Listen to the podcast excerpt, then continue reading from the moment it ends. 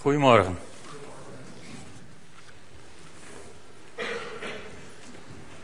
We hebben een heel mooi maandthema en dat heet je plek innemen. Als mijn computer dat ook doet, gaat het helemaal goed. Ja. Je plek innemen. Je kunt natuurlijk je plek innemen, maar als je dat in één keer hebt gedaan, dan gaat het erom dat je je plek weet te behouden. En daar wil ik vanmorgen met jullie over nadenken. En ik wil graag samen lezen uit 1 Korinthe 10, de eerste 15 versen.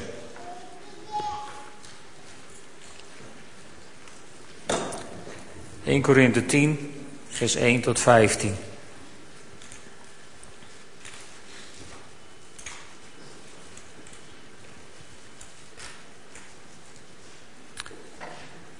En dan schrijft Paulus dit aan de gemeente van Korinthe. Broeders en zusters, ik wil graag dat u weet dat onze voorouders allemaal door de wolk werden beschermd en allemaal door de zee trokken.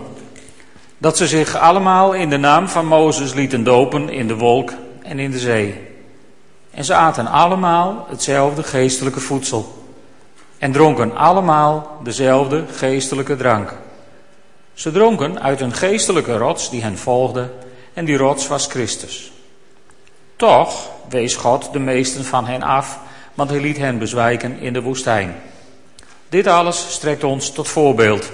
We moeten niet uit zijn op het kwade zoals zij. Dien geen afgoden, zoals een deel van hen over wie geschreven staat, het volk ging zitten om te eten en te drinken en het stond op om te dansen. Laten we geen ontucht plegen, zoals een aantal van hen, maar daardoor stierven er op één dag 23.000. En laten we Christus niet tarten, zoals anderen deden, want daardoor werden ze door de slangen doodgebeten. En kom niet in opstand, zoals weer anderen deden, want daardoor werden ze door de doodsengel vernietigd. Wat hun overkomen is, moet ons tot voorbeeld strekken. Het is geschreven voor ons, voor wie de tijd ten einde loopt, te waarschuwen. Laat daarom iedereen die denkt dat hij stevig overeind staat, oppassen dat hij niet valt. U hebt geen beproevingen te doorstaan die niet voor mensen te dragen zijn. God is trouw en zal niet toestaan dat u boven uw krachten wordt beproefd. Hij geeft u met de beproeving ook de uitweg, zodat u haar kunt doorstaan. Om deze reden moet u, geliefde broeders en zusters, u verhouden van afgodendienst. Ik spreek tot verstandige mensen, dus u kunt wat ik nu zeg naar waarde schatten. Tot zover.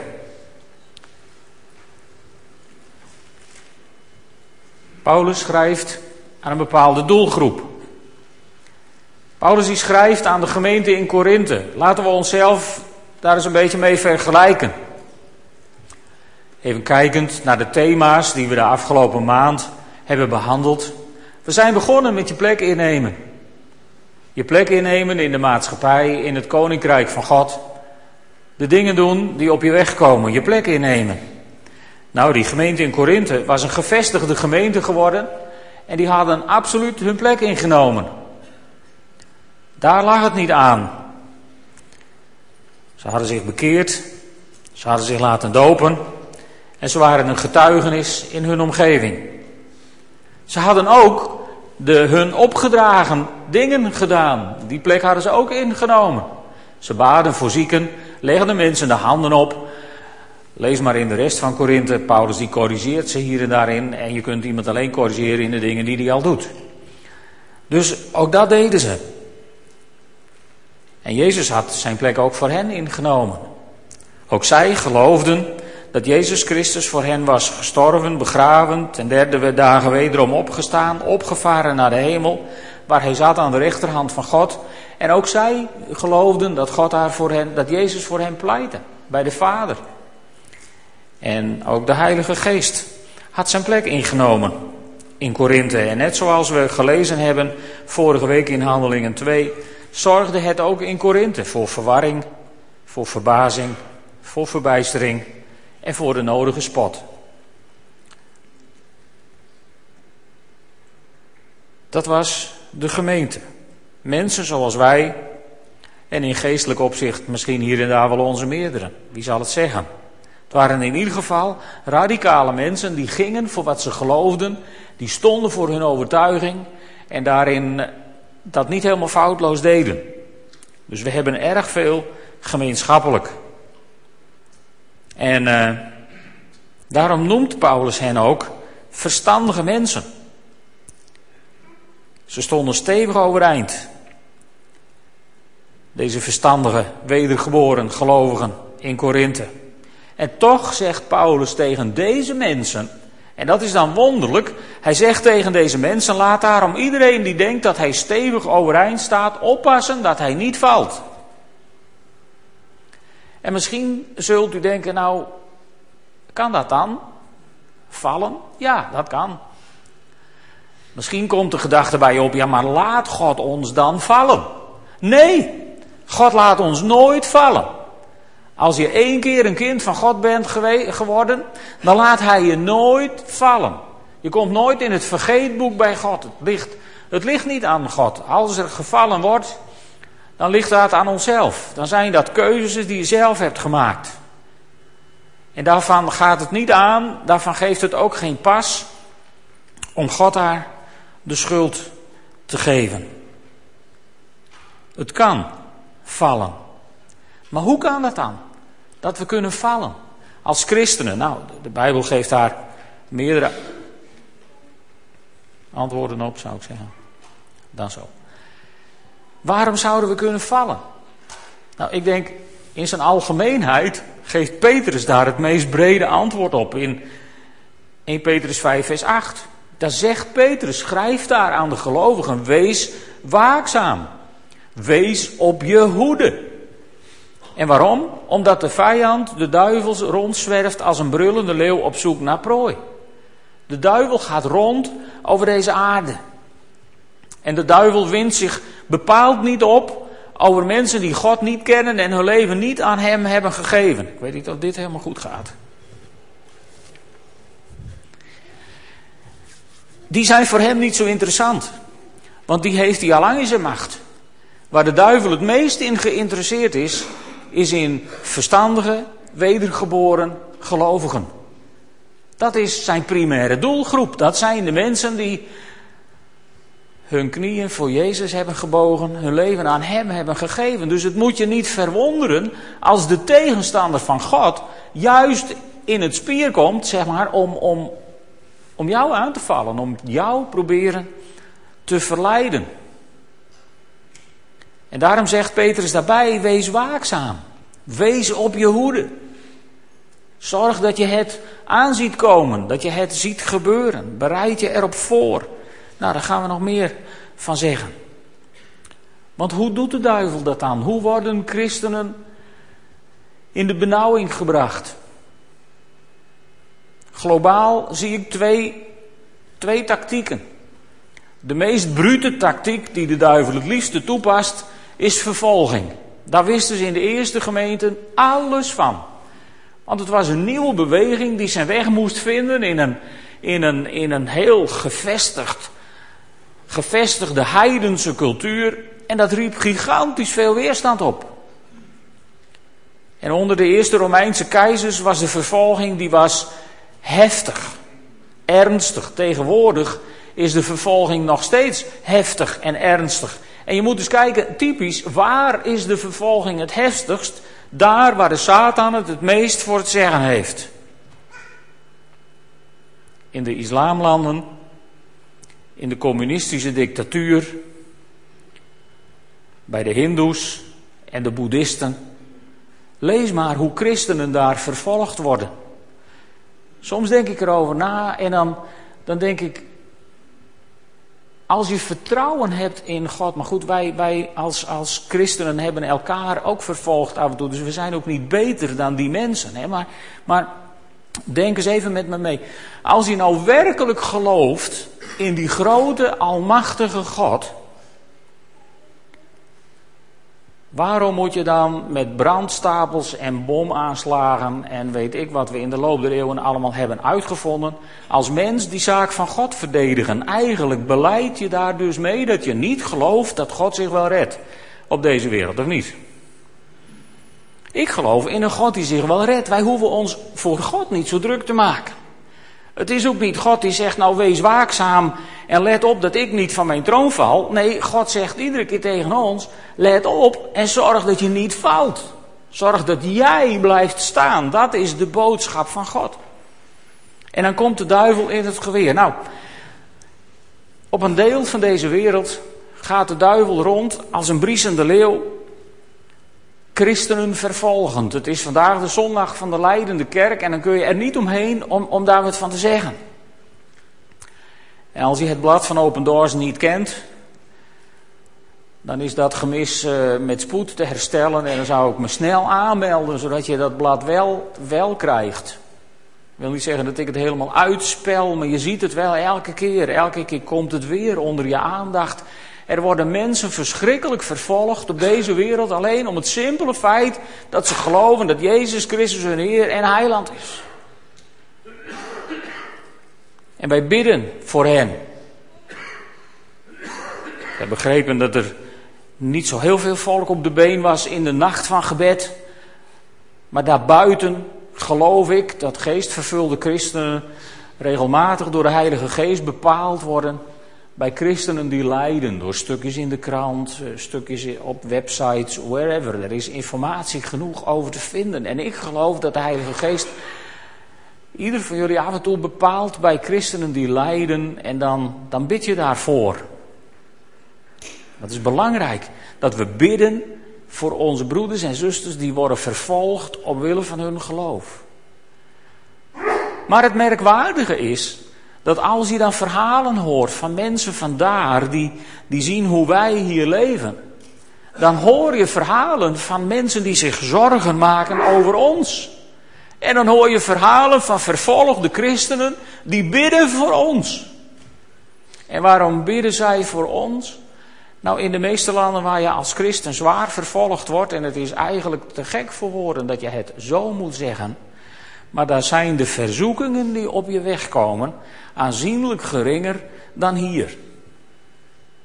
Wij zijn misschien wel erg trots op onze geciviliseerde, moderne westerse samenleving met vrijheid van meningsuiting en alles.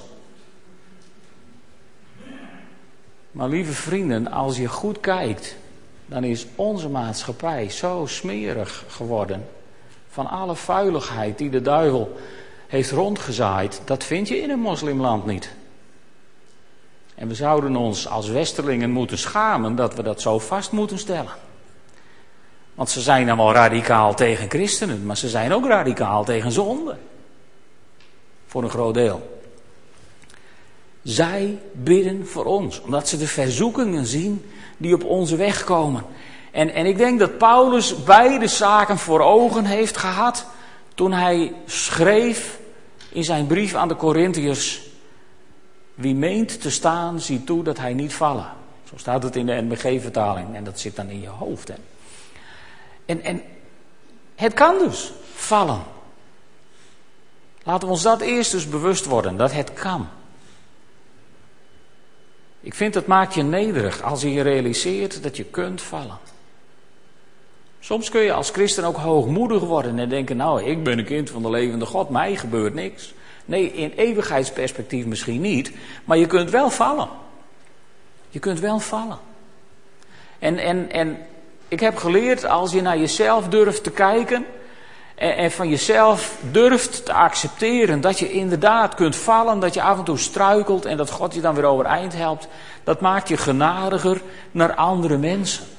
Oh, wat kunnen wij soms ongenadig zijn naar andere mensen die wij menen te zien zondigen.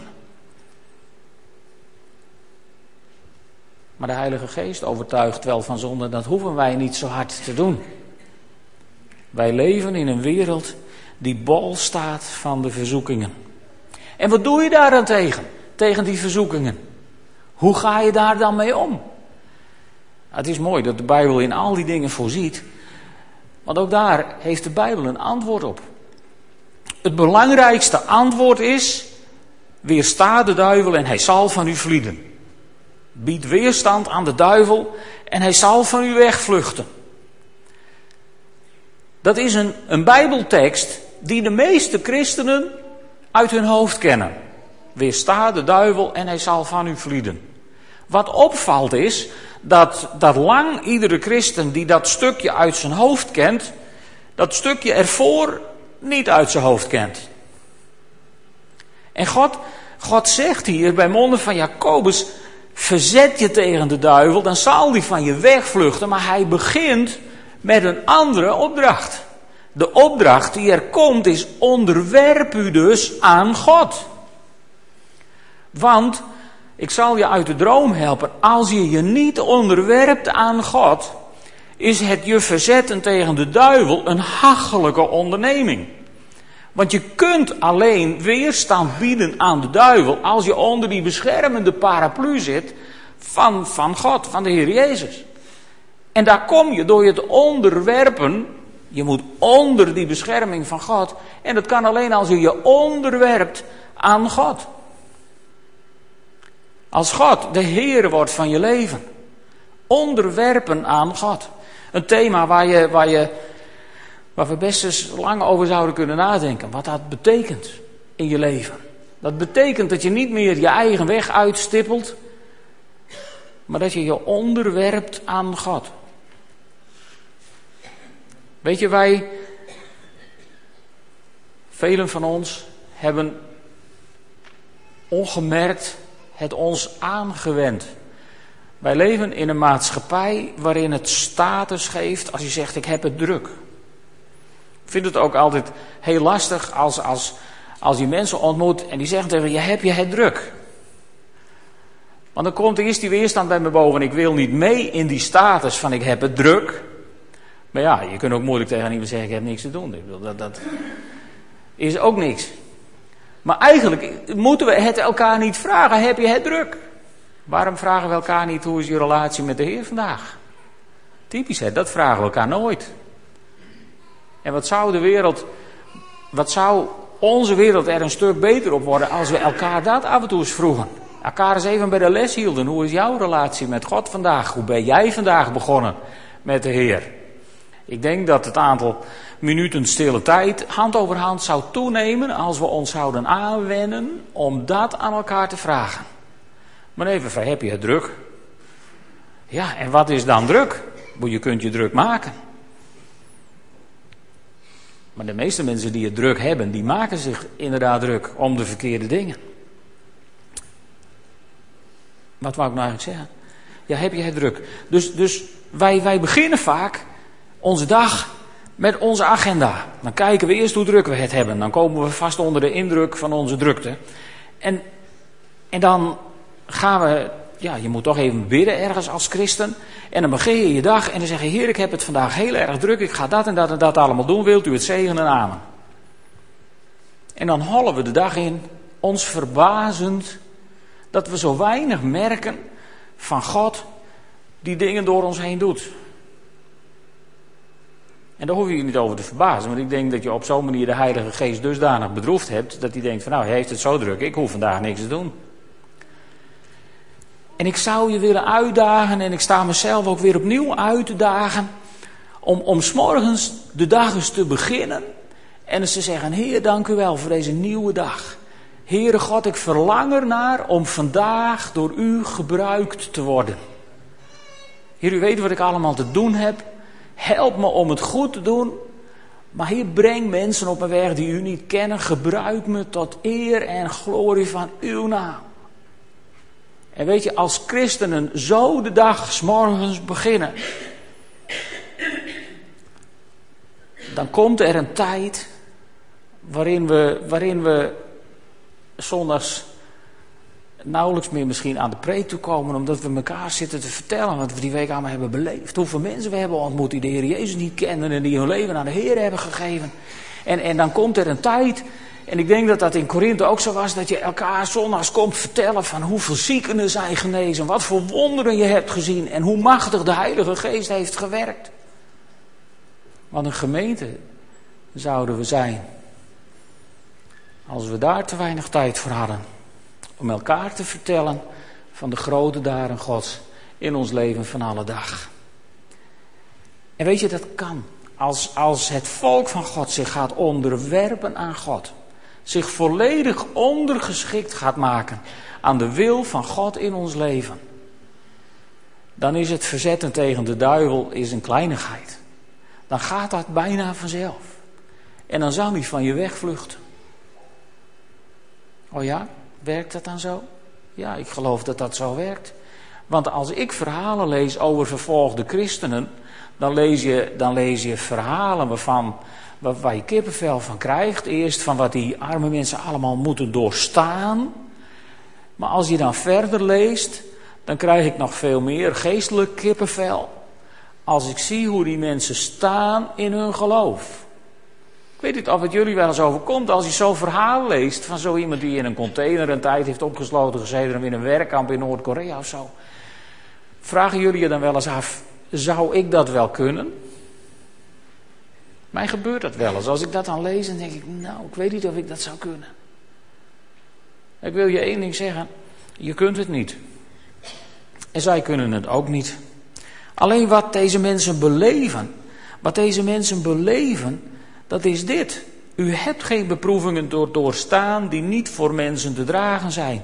God is trouw en zal niet toestaan dat u boven uw krachten wordt beproefd. En hoe doet hij dat dan? Nou, hij geeft u met de beproeving ook de uitweg, zodat u haar kunt doorstaan. De verhalen die je leest in Open Doors zijn bovennatuurlijke verhalen van gewone aardse mensen. Die worden gevuld met een bovennatuurlijke kracht uit de hemel van God. Waardoor ze dingen kunnen doorstaan die je menselijkerwijs niet voor mogelijk houdt. En daarbij houden ze hun geloof vast. En die kracht is ook beschikbaar voor ons hier in het decadente Westen in alle verzoekingen die er op onze weg komen. Ook die verzoekingen kun je doorstaan. En misschien denk je, ja, maar waarom verhindert God dat dan niet? Ja, dat weet ik ook niet. Ik denk dat God ook weet dat wij in een gebroken schepping leven. Die door de zondeval in een staat is beland die God ook niet heeft gewild. Dat was niet zijn keus, maar hij heeft wel gezorgd dat er een oplossing kwam. In zijn zoon Jezus Christus, die voor jou en mij stierf aan een kruis. En die daar heeft gezegd: Het is volbracht. En daarmee de machten en de overheden heeft ontwapend. En openlijk tentoon heeft gesteld en heeft gezegevierd. Over die duivel die rondgaat als een briesende leeuw zoekende wie hij zal verslinden. Christus heeft over hem gezegevierd. En daarom geeft hij ons met de beproeving ook de uitkomst. Dat heeft God dan toch maar even voor ons geregeld. En hij heeft ook voor ons geregeld dat er aan deze gebroken schepping op een dag een einde komt. Dat is de zekerheid die we hebben. Na dat einde zijn we onderweg. Paulus schrijft in vers 11: Het is geschreven om ons, voor wie de tijd ten einde loopt, te waarschuwen. Nou, dat hebben de Corinthiërs zich eigen gemaakt en wij zijn inmiddels bijna 2000 jaar verder, dus wij mogen het ons wel helemaal eigen maken. Nog niet. Wij zijn een mooie ruk dichter bij het einde gekomen dan die mensen in Korinthe. Dus we zouden dit heel serieus moeten nemen. En hoe kunnen we ons dan nog meer verzetten tegen de duivel? Nou, in Efeze 6, het prachtige, bekende stukje over, over de wapenrusting. Dat zegt daar natuurlijk een en ander over. En, en het belangrijkste wat ik eerst wil, wil, wil aanhalen is vers 13. Ik denk dat dat het belangrijkste vers is. Die specificaties daarna over al die wapenen en wat ze nou precies betekenen. Daar kun je theologisch heel lang met elkaar van mening over verschillen. Maar als je nou eens begint bij vers 13, heb je eigenlijk. Ja, dan heb je eigenlijk genoeg te doen, zou ik zeggen. Want wat staat er in vers 13? Neem daarom de wapens van God op. Laten we daar even beginnen. De wapens van God op. Wat proberen wij niet vaak in deze wereld als ons onrecht wordt aangedaan of als we in problemen komen, met onze eigen wapens tot een oplossing te komen. En als Jacobus nou zegt, onderwerp je aan God.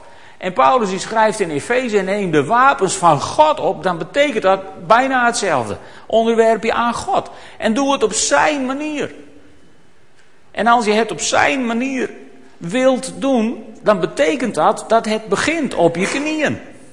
Heer, hoe had u het gehad willen hebben? Ja, Zo beginnen we vaak niet aan het oplossen van een probleem. Ik tenminste niet. Heer, hoe had u het gehad willen hebben? Interessante vraag aan God. En je kon, we konden ons nog wel eens verbijsteren over de oplossingen die ons dan worden aangereikt. Probeer het eens de komende tijd. Ik zal het ook even onthouden. Neem daarop de wapens van God op. Om weerstand te kunnen bieden op de dag van het kwaad. Om weerstand te kunnen bieden. Hè? Bied weer, verzet je tegen de duivel en hij zal van je vluchten. Het, het gaat er niet om dat God zegt, nou, als jullie nou dicht bij mij blijven, gebeurt je niks. Typisch, hè? want het woord van God heeft het over je verzetten tegen de duivel, over weerstand bieden. Nou, je moet in Efeze eens lezen voor aardigheid, Efeze 6, hoe vaak het woord weerstand bieden daar voorkomt. Dat betekent dat God weet dat het leven, of je nu vervolgd wordt of verzocht wordt in een decadente wereld zoals de onze, God wist dat het leven moeilijk zou worden om overeind te blijven. En daarom zegt hij, je moet weerstand bieden. Je moet je niet als een willoos slachtoffer overgeven aan de omstandigheden om je heen, maar bied weerstand. En God geeft je daar de wapenen voor. Dat is iets voor een andere keer dan. Maar er staat nog een stukje in deze zin, wat ik even heb, heb onderstreept. En dat is dat laatste stukje, om goed voorbereid stand te kunnen houden.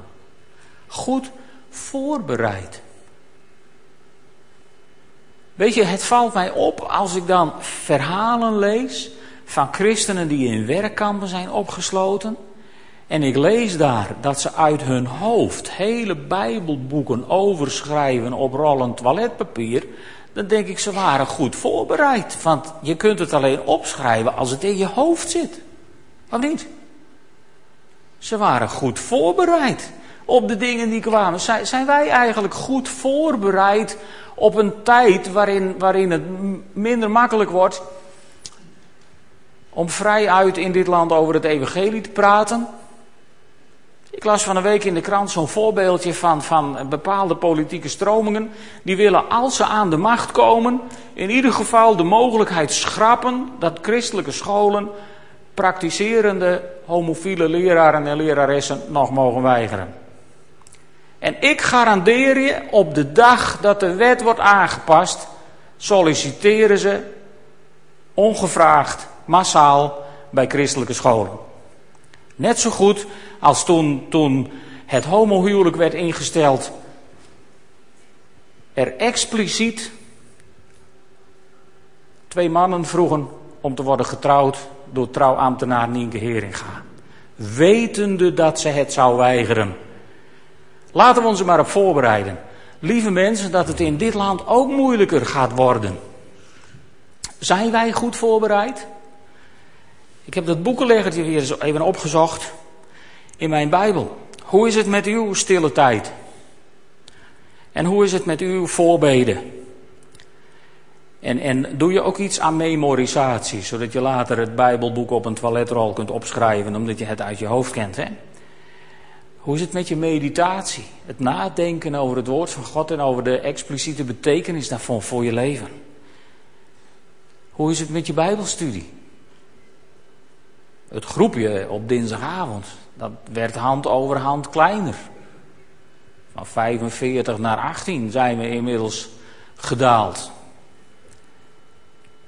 Hoe is het met je delen? Hoe vrijmoedig ben je nog in het delen van het evangelie? Bijvoorbeeld met andere mensen. Of heb je niks te delen met andere mensen? Dat zou helemaal triest zijn. En hoe is het met het uitgaan? Onze, onze groep die voor evangelisatie verantwoordelijk is, die kampt met een schreeuwend personeelsgebrek. Goed, ik wil niemand een schuldgevoel aanpraten, want dan werkt het ook niet. Maar denk nog eens na. Zoek, zoek dat boegeliggertje voor de aardigheid nog eens op. Wat je vorig jaar hebt gekregen. Hoe goed zijn wij voorbereid op de dingen die gaan komen? Dat is een intrigerende vraag, vind ik zelf. Hoe goed zijn we voorbereid? En wat betekent het eigenlijk Laten we eens wat praktischer gaan worden. Naar, naar wat komt er dan op je af? Paulus die, die, die noemt hier een aantal dingen die het volk Israël overkwamen ons ten voorbeeld. Nou, laten we dan maar even naar die voorbeelden gaan kijken. Daar zijn ze op laatst voor bedoeld. Paulus die noemt een aantal dingen. Hij zegt tegen, tegen, de, tegen de mensen in Korinthe, hij zegt, dien geen afgoden. En de gemiddelde westerling zal dan heel comfortabel zitten en zeggen, nou, daar hebben wij geen last van.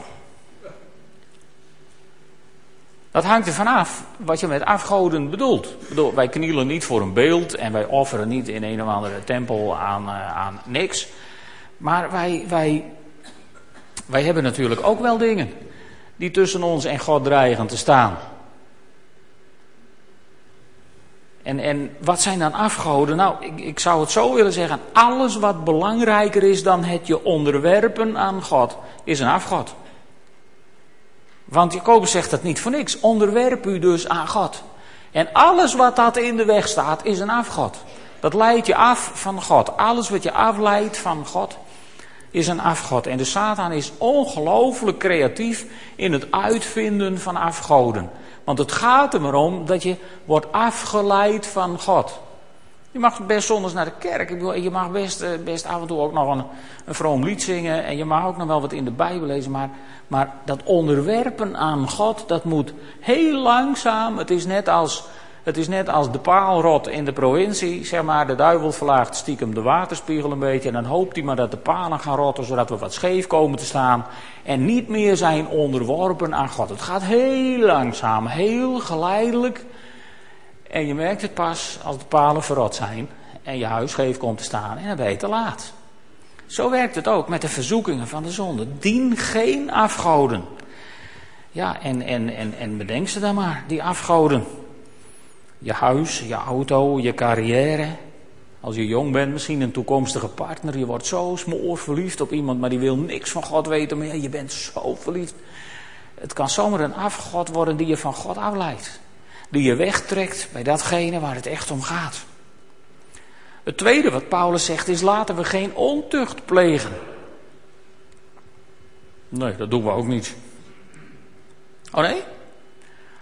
Nou, dan moet je voor de aardigheid eens in de Bijbel kijken naar het woord ontucht. De meeste plekken waar het gaat over ontucht gebruiken we het Griekse woord porneia, waar pornografie van is afgeleid maar wat niet pornografie betekent. Voordat je weer denkt, nou dat koop ik nooit, dus dat doe ik ook niet. Maar porneia, dat eigenlijk betekent het, het, het betekent, het is een begrip wat, wat slaat op elke seksuele activiteit buiten het verbond van het huwelijk. Dat is erg scherp slijperig, Boersma. Ja, dat is erg scherp slijperig. Ik weet het en het ligt in onze maatschappij erg gevoelig. Want de grenzen die schuiven hand over hand een beetje op. Elke seksuele activiteit buiten het verbond van het huwelijk. Bedoel je samenwonen? Ja, onder andere. Bedoel je blijven kijken naar een film waar ik eigenlijk niet naar zou moeten? Ja, dat bedoel ik bedoel ik, nou, ik ga zo maar door. Ga zo maar door. In onze maatschappij is dit erg aan het schuiven. En weet je waarom het zo aan het schuiven is? Omdat de duivel rondgaat als een brullende leeuw zoekende wie hij zal verslinden. Want hij weet dat dit het punt is waar je de meerderheid van de mensheid het makkelijkst meekrijgt. Daarom wordt er zo aangetrokken en aangeschoven. En in plaats van dat de kerk een piket slaat en zegt: Dit is het standpunt van het woord van God, wordt er geschoven. Er wordt steeds meer gezocht. En dan kom je terecht bij het inzegenen van alternatieve samenleefvormen, om het maar met een heel mooi woord te zeggen. Waar Paulus schrijft: laten we geen ontucht plegen. En als je niet wilt dat er ontucht gepleegd wordt, moet je ook geen ontucht gaan zegenen. Laten we eerlijk zijn. En laten we hiermee ook niet te veel om ons heen kijken en naar andere mensen wijzen om voorbeelden te bedenken. Ga maar voor de spiegel staan, heb je voorbeelden genoeg. Laten we geen ontucht plegen, maar onze seksuele moraal terugbrengen naar, naar het pijl van het woord van God. Het volgende is, laten we Christus niet tarten. Wat is Christus tarten? Nou, Christus tarten, dat is, is misschien iets moeilijker. Maar het begint met, laten we ons onderwerpen aan, zijn, aan God. Leven naar zijn woord. En laten we stoppen met allerhande slappe excuses. Weet je, ik denk dat Christus tarten, dat is wat, wat, wat gelovigen doen, die, die voortdurend op zoek zijn naar de grenzen. Ik heb ze ontmoet, mensen die zeiden, ja, ik zoek de grenzen, want daar leer je God kennen. Degene die ik ken die het het hardste riep, die heeft de duivel leren kennen. Want weet je, dit is wat in wezen de fariseërs in de tijd van Jezus ook deden. De fariseeërs die hadden de wet van God. En de wet van God was bedoeld om leven te brengen, om mensen te beschermen, zodat, zodat je niet in de valkuilen van de duivel zou gaan trappen. Maar wat zijn de mensen gaan doen? De mensen hebben er kilometers wetboeken bij geschreven. Want er werd voortdurend gezocht van ja, maar wat kan nou nog net wel en wat kan nou net niet? Dat is zeg maar de, zoals de rabbijnen in de tijd van Jezus met, met, met het woord van God omgingen. En dat is een levensgevaarlijke methode. Dat is de methode, stel je voor, je komt bij de Grand Canyon in Amerika. Hele grote, diepe ravijn. En er staat een hek. En er hangt waarschijnlijk een bordje aan van dat je daar niet overheen moet klimmen. Maar we denken, ja nee, maar, maar dat kan iemand allemaal inzetten, dat hek. Maar ik zoek de grenzen. Dus wat doe ik nou? Ik klim over dat hek. En ik probeer over de rand te kijken. En dan zie je in het midden van het Grand Canyon de bodem. Maar je denkt, nou, wat zou er nou net achter die rand zitten? Dat zijn, zo werkt de duivel ongeveer, hè? Het zijn de verzoekingen van de Satan. Dus dan denk je van, nou, maar ik, ik wil eigenlijk, eigenlijk kijken wat, wat daar achter... Ik zie dat snoer, dat verdwijnt daar een klein stukje en ik zou dat eigenlijk willen zien. Dus je doet nog een stapje naar de rand. Nee, ik zie het nog niet helemaal. Dus je doet nog een stapje naar de rand. En, en, en, je doet nog een klein stapje naar de rand. En je hoeft niet eens zelf over de rand te stappen. Maar ik weet niet of jullie iets weten van de zuigende kracht van dieptes. Op een gegeven moment ben je zo ver op de rand geland. En dan buig je net iets te ver voorover om toch net te zien wat er in het hoekje ligt.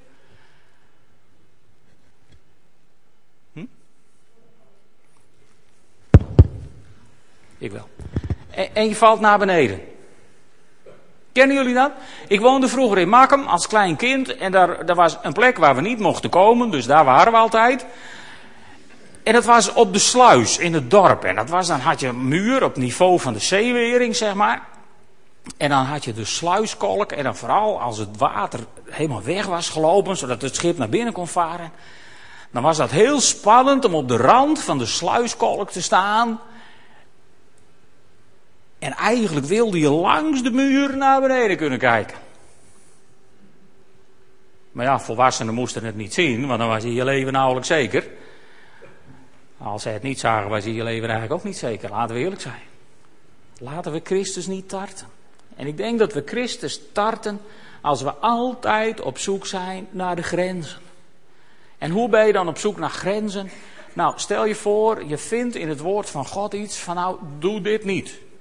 Of doe dit wel. Hoe reageren wij dan als Nederlanders?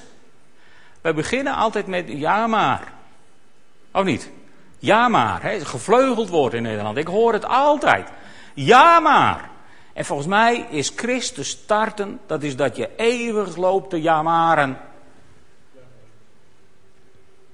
Volgens mij was God daar ook helemaal zat van, van die Israëlieten in de woestijn, die altijd liepen te jamaren. En daarom stierven ze in de woestijn. Laten we Christus niet tarten. Dat is een gevaarlijke bezigheid. En dan, dan staat er, en kom niet in opstand. Kom niet in opstand. Wat, wat betekent dat dan? Kom niet in opstand. Nou, het betekent volgens mij dat we weer leren, ik heb er wel eens vaker iets over gezegd. Het betekent volgens mij dat we weer leren wat het betekent als we zeggen: Jezus is mijn Heer. Het Griekse woord kurios. Jezus is mijn Heer. En wat betekent het als hij zegt, Jezus is mijn Heer. Dat is geen vrome uitspraak, dat is het wel een beetje geworden in onze tijd. Want wij twisten erover of je het nu met hoofdletters of kleine letters of andere letters schrijft. En daar gaat het eigenlijk helemaal niet om. De mensen in, in, in Korinthe, die wisten donders goed wat Paulus bedoelde als hij zei van je moet zeggen door de Heilige Geest, Jezus is Heer. Dat wisten ze precies. Want de Corinthiërs, de gemeente in Korinthe, de stad Korinthe bestond voor 90% uit slaven. Het was een havenstad, dus het waren allemaal havenarbeiders. En in de pre-CAO-tijd, zeg maar, waren dat slaven. En, en die, die wisten heel goed van een slaaf had een heer. En die heer besliste of je leefde of stierf. Die besliste of er een vrouw voor je werd gezocht of niet. Die besliste of je wel at of niet at en ga zo maar door. Die ging over jou. Je had niks te zeggen. En, en, en weet je, wij hebben, velen van ons hebben ook een baas. Maar het is tegenover onze baas niet meer zo dat we niks hebben te zeggen. Wij hebben onze rechten. En weet je, in onze verhouding met God moeten we daar weer vrij van worden. Want als Jezus Heer is, dan bedoelen we niet dat wij een CAO hebben met Jezus waar onze rechten in staan beschreven. Als Jacobus zegt onderwerp je aan God, dan bedoelt hij ik geef alle rechten op die ik heb en ik leg mijn hele leven in de handen van de Heer Jezus. Dat betekent dat je zegt Jezus is Heer. Kom niet in opstand, maar onderwerp je aan God. Laten we ophouden met het zoeken van wegen waarin we toch zelf vooral wat voor het zeggen houden. Onderwerp je aan God, verzet je tegen de duivel en hij zal voor je vluchten. En eigenlijk kan de conclusie heel kort zijn. Je hebt je plek ingenomen en Jezus Heer van je leven gemaakt. En Jezus heeft zijn plek ingenomen aan de rechterhand van de Vader, waar hij voortdurend voor jou pleit. Goed om te weten. En daardoor heb je deel aan, en daar kom ik weer terug bij dat mooie woord uit de herziene statenvertaling. Daardoor heb je deel aan de alles overtreffende grootheid van zijn kracht. Ik vind dat zo mooi, die kracht van God, die door de Heilige Geest in ons woont, die is alles overtreffend. Ja, maar je moest dus weten hoe ziek ik ben. Met alle respect, maar je bent nooit zo ziek dat het de kracht van God te boven gaat. Ja, maar je moest dus weten in wat voor problemen ik zit. Met alle respect, jouw problemen kunnen nooit zo groot zijn dat de alles overtreffende kracht van God niet groter is. Ja, maar je moest dus weten hoe moeilijk de mensen mij het leven maken. Dat zouden ze kunnen zeggen in een gevangenkamp in Noord-Korea. Maar daar prijzen ze God en daar vallen ze niet van hun geloof, ondanks alle verdrukkingen. En hoe kan dat? Omdat die mensen, net als wij, gevuld zijn met de Heilige Geest van God en daardoor deel hebben aan de alles overtreffende grootheid van de kracht van Jezus Christus. En dat is de conclusie vandaag aan het eind wat er ook op je weg komt en hoe je situatie ook is, jij kunt het. Dankzij de alles overtreffende grootheid van Zijn kracht, die in je woont in de persoon van de Heilige Geest. In die kracht kun je alles aan. Dus als je je plek hebt ingenomen en deel hebt gekregen aan deze kracht, dan is je plek behouden niet zo moeilijk. Blijf maar dicht bij Jezus. Zullen we samen bidden? Mag ik jullie vragen op te staan? Vader in de hemel, u hebt ons deze maand geleid door een thema over het innemen van onze plaats. En we hebben daarin gezien dat u ook uw plek hebt ingenomen. Dat u het niet alleen aan ons overliet, integendeel zelfs. We hebben mogen zien dat uw Heilige Geest zijn plek heeft ingenomen, waar wij de ruimte daarvoor hebben gegeven. Heer, en nu daagt u ons uit, nu moedigt u ons aan om onze plek ook vast te houden.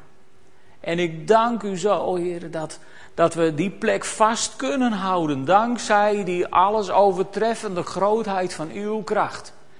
Heer, u hebt ons niet voor onmogelijke opdrachten gesteld.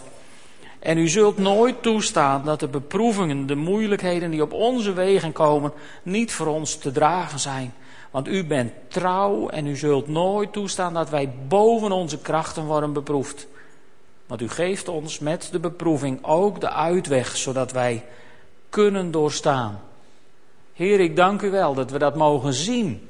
Dat we dat mogen zien in de verhalen en de getuigenissen van onze vervolgde broeders en zusters. En we bidden u vandaag voor de kerken in de verdrukking, heren, waar christenen worden vervolgd, vermoord, kerken worden verbrand, kinderen worden geroofd om in een andere religie te worden opgevoed. Heere God, u weet wat voor martelingen deze mensen moeten doorstaan. En we bidden u op dit moment als kerk hier in het Vrije Westen.